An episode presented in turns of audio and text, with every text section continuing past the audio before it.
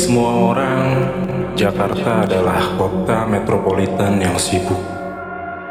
Penuh dengan hiruk-pikuk dan kesibukan orang setiap harinya.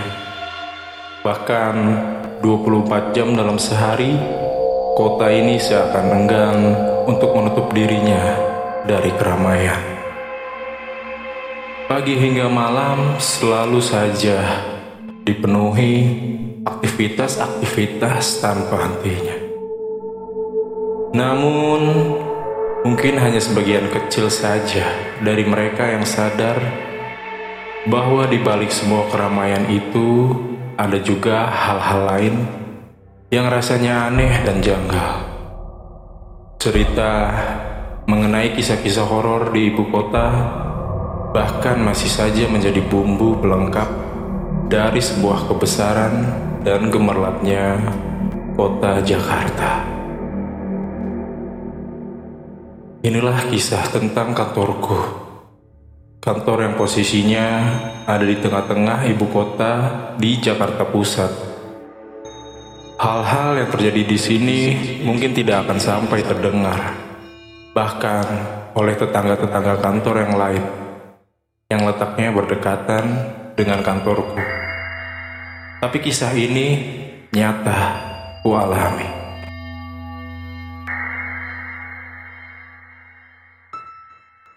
Namaku Adi. Aku adalah pria berusia 26 tahun yang masih melajang. Aku bekerja di sebuah perusahaan swasta di daerah Gambir, Jakarta Pusat. Sebagai seorang security, Aku menjadi orang yang datang paling awal dan pulang paling akhir karena memegang kunci kantor. Ditambah lagi, kadang bos juga ada saja memberi tugas tambahan. Seperti menemaninya lembur atau sekedar overtime karena berhubungan dengan deadline pekerjaan karyawan lain. Security di sini hanya dua orang, aku dan Pak Agus kami mengatur sendiri jadwal kerja dan libur sesuai dengan komposisi yang adil dan seimbang. Pak Agus adalah seniorku yang sudah berumur. Beliau adalah pria berusia 50-an. Shift dibagi dua, pagi dan siang. Saat bagian shift 2, terkadang sampai jam 12 malam aku berada di kantor memastikan kondisi kantor sudah aman dan tidak ada karyawan yang bekerja lagi adalah bagian dari tugas. Sebagai informasi, kantor ini adalah kantor baru yang dibeli sekitar satu bulan yang lalu. Sebelumnya, bosku mengontrak sebuah kantor yang jaraknya tidak jauh dari kantor yang sekarang. Awalnya tidak ada keanehan sama sekali dengan kantor ini. Semua berjalan normal dan lancar seperti biasa. Bahkan Pak Agus bilang suasana di kantor ini sangat nyaman dan enak bila dibandingkan dengan kantor yang lama. Namun, desas-desus mengenai hal-hal ganjil mulai datang satu persatu setelah sekitar sebulan kantor ini aktif. Kebanyakan karyawan yang overtime sampai hampir tengah malam yang mengalaminya dan merambat menjadi buah bibir di antara karyawan lain. Kisahnya selalu saja berawal dari tempat yang sama, yaitu lantai 4 yang menjadi ruang arsip dan tempat meeting. Pak Agus bilang bahwa beberapa kejadian pun sudah dialami beberapa hari terakhir ini saat dia jaga malam. Namun karena sudah tua dan berpengalaman, Pak Agus tidak mau cerita terus terang kejadian apa yang menimpanya. Dia hanya berpesan bahwa lampu lantai 4 sebaiknya dimatikan sebelum jam 9 malam. Jangan lewat. Tetapi dia tidak mau memberikan alasan yang jelas kenapa harus seperti itu. Mungkin supaya aku tidak menjadi satpam yang menakut. Jika dia cerita semua, Mungkin dia khawatir aku akan menjadi parno atau sebagainya. Terus terang aku belum pernah sama sekali punya pengalaman mistis. Bertemu hantu pun belum pernah seumur hidup. Jadi, antara percaya dan tidak, aku selalu menyampingkan pikiran-pikiran negatif seperti itu. Hari ini, aku kebagian shift siang, yang artinya jam pulang nanti sekitar jam 11-an malam. Sudah setiap hari jadwalku seperti itu. Masuk pagi, pulang jam 4 sore. Masuk siang, pulang jam 11 malam. Jika tidak ada lembur. Walau kantor biasanya sudah sepi saat jam 8 atau jam 9. Saat jam rolling, sore itu Pak Agus berpesan seperti biasa.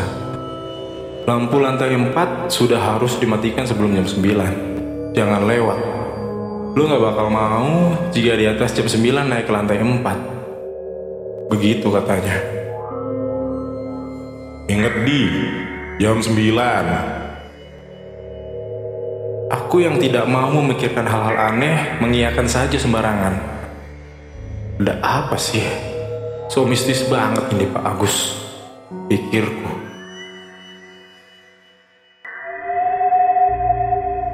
Jam berganti jam dan sekarang sudah jam 9 malam.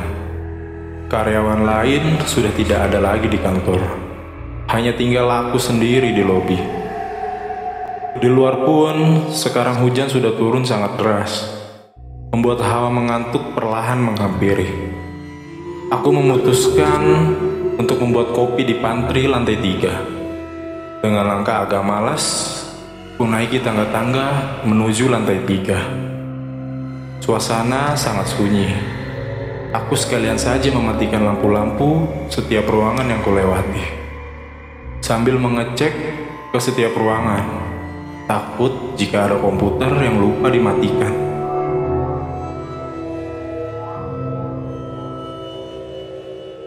Setelah semua itu, sampailah aku di pantry. Letaknya di pojok, di dekat tangga yang menuju lantai 4. Sebagai informasi, gedung ini ada terdapat lima lantai. Tapi lantai limanya hanyalah sebuah rooftop dan tidak pernah dimasuki. Hanya ada barang bekas dan peralatan pingpong yang jarang digunakan di sana. Pintunya pun selalu terkunci, jadi aku tidak pernah mengecek sampai ke lantai 5. Lantai aktif yang digunakan hanya sampai lantai 4 saja. Itu pun jarang dimasuki selepas maghrib. Sambil menunggu air panas, Aku sedikit bersiul-siul untuk mematikan rasa bosan.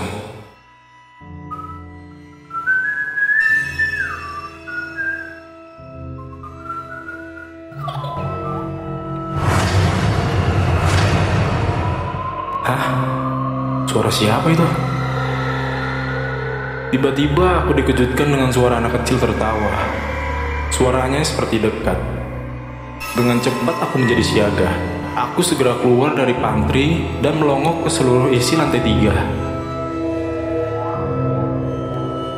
Tidak ada apa-apa. Ah, sudahlah. Mungkin cuma perasaanku saja. Mungkin juga itu suara hujan yang salah aku dengar. Aku kembali ke pantry. Air sudah matang.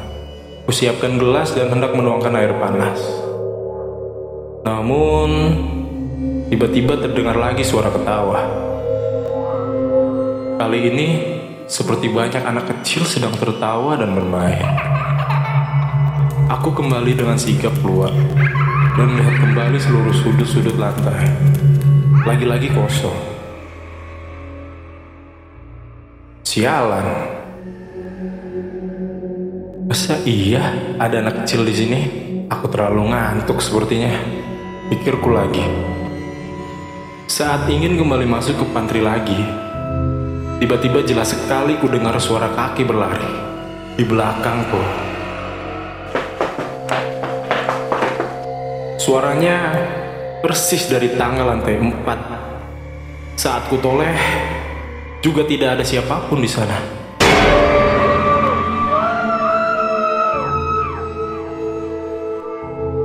Bulu kudukku seketika berdiri Hawa panas mulai menjalar di sekitar leher. Siapa?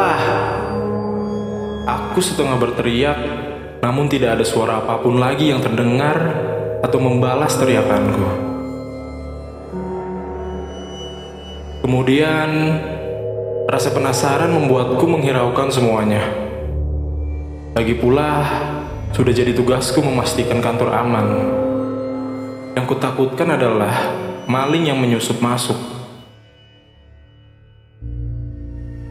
Kali ini, dengan hati-hati dan siaga, kulangkahkan kaki ke tangga menuju lantai empat untuk memastikan suara apa tadi yang kudengar. Sekalian saja akan kumatikan lampu lantai empat. Niatku. Sesampainya di lantai empat, suasana sangat sepi dan hawa pengap menyergap karena banyak sekali tumpukan berkas yang tergeletak di lantai karena tidak muat dinaikkan kerak. Sebelum kumatikan lampu, dengan jeli kucek satu persatu bagian ruangan di sana. Mulai dari ruang arsip, kulihat tumpukan file berkas di rak. Tidak ada orang. Ah, aman, ucapku. Lalu aku beralih menuju ruang meeting selanjutnya. Dan benar saja, kutemukan proyektor di ruangan tersebut masih menyala. Menyorot ke papan putih dan memantulkan gambar di sana. Kok bisa proyektor belum dimatikan? Pasti anak-anak sales nih yang ceroboh. Kusempatkan memotret ke arah proyektor yang terpantul di layar. Maksudku akan kujadikan bukti besok di grup WA kantor bahwa jangan lagi lupa mematikan proyektor seperti ini. Aku memang ditugaskan begini oleh bosku. Bila ada temuan, foto dan share untuk bukti teguran nantinya. Lalu kubereskan peralatan tersebut dan merapikannya. Saat aku sibuk membereskan proyektor tersebut, sekelebat bayangan yang lewat muncul di sudut mataku dari luar ruangan meeting. Pintu kaca ruangan tersebut membuat apa pun yang ada di luarnya terlihat. Dengan sigap, aku menoleh dan tanpa pikir panjang, aku berlari keluar. Menuju asal bayangan tadi terlihat. Tanganku sudah siap dengan pentungan sebagai alat pertahanan diri. Kali ini tidak salah lagi. Pasti ada orang di sini. Kucek lagi ruangan arsip. Tidak ada apa-apa. Aneh. Seluruh ruangan ini kosong, tidak ada orang. Lalu apa yang tadi kulihat? Sosok bayangan itu sangatlah jelas. Tidak mungkin aku salah.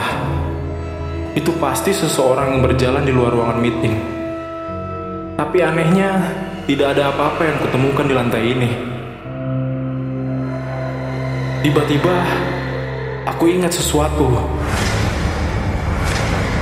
Kulirik jam di tanganku, jam 10. Aku lalu teringat perkataan Pak Agus bahwa jangan naik ke lantai 4 lewat dari jam 9. Apakah apakah ini yang dimaksud Pak Agus? Jika tidak ada orang di sini, berarti yang tadi kulihat itu apakah hantu?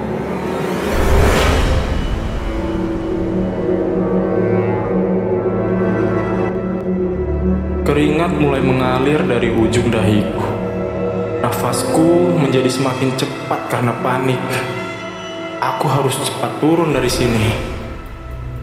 Namun ku ingat lagi, proyektor tadi belum sepenuhnya aku bereskan. Aduh, aku harus bereskan itu dulu. Ya, harus cepat pikirku.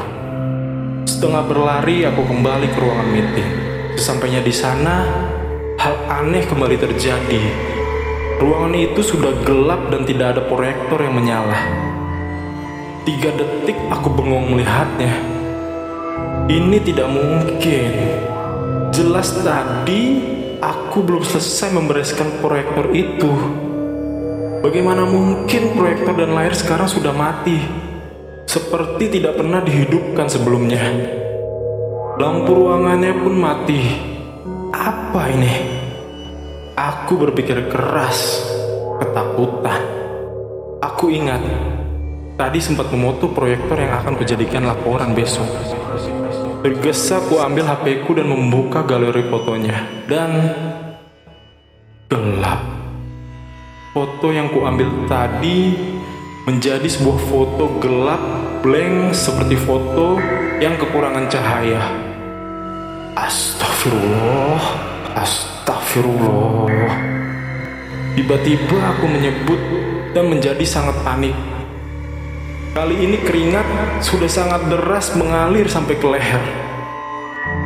Belum sempat aku berpikir, tiba-tiba ada sebuah tangan yang terasa memegang bahuku. Jantungku serasa berhenti berdetak. Nafas sudah seperti orang yang habis berlari panjang. Leherku terasa sangat berat, sekedar untuk menoleh dan melihat siapa yang ada di belakangku. Namun, dengan sangat berat, kutelehkan juga leherku dan melihat ke punggung. Tidak ada orang. Aku masih berdiri mematung, kulongokkan mataku ke sekeliling, dan benar tidak ada siapa-siapa. Nafasku mulai kukendalikan perlahan.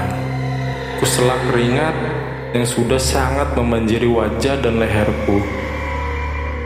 Kali ini, dengan langkah cepat, aku menuju ke arah stop kontak lampu di dinding dan hendak kumatikan lampunya.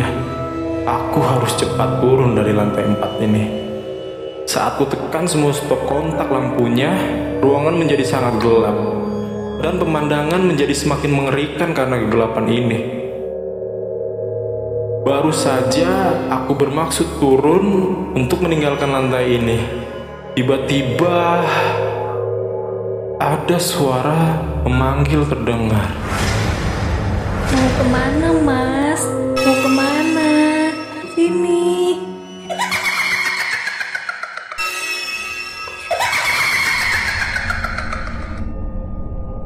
Aku menolehkan pandangan ke arah suara tersebut dengan sangat lemas.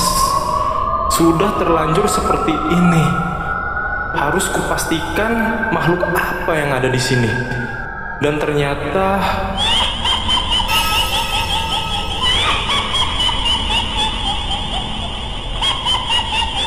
Sesosok wanita memakai gaun merah berdiri di antara toilet dan tangga menuju lantai lima. Wajahnya hancur dengan darah yang memenuhi setiap sisinya. Mata yang seperti tidak ada pupil hitamnya memancarkan warna putih yang sangat terlihat jelas. Seakan ada kekuatan aneh yang bisa membuatku melihat dengan jelas di kegelapan ini. Rambut yang berantakan menjuntai sampai ke punggungnya.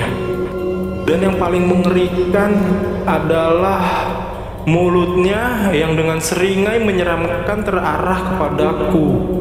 Dengan gigi yang sangat putih terlihat di sana. Astagfirullah, kun kuntil anak.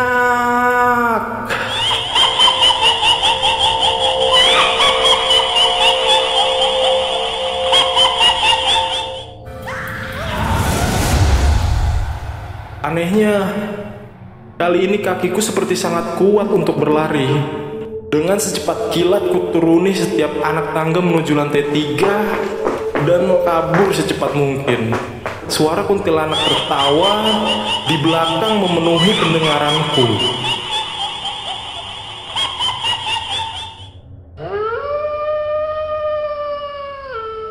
Tanpa memedulikan kopi yang, yang tadi sudah kubuat di pantry, aku terus berlari menuju ke lantai dasar gedung. Sesampainya di lobi kantor, aku merasa sangat sempoyongan dan kelelahan. Detak jantung dan helaan nafas seperti berlomba untuk keluar dari tubuhku.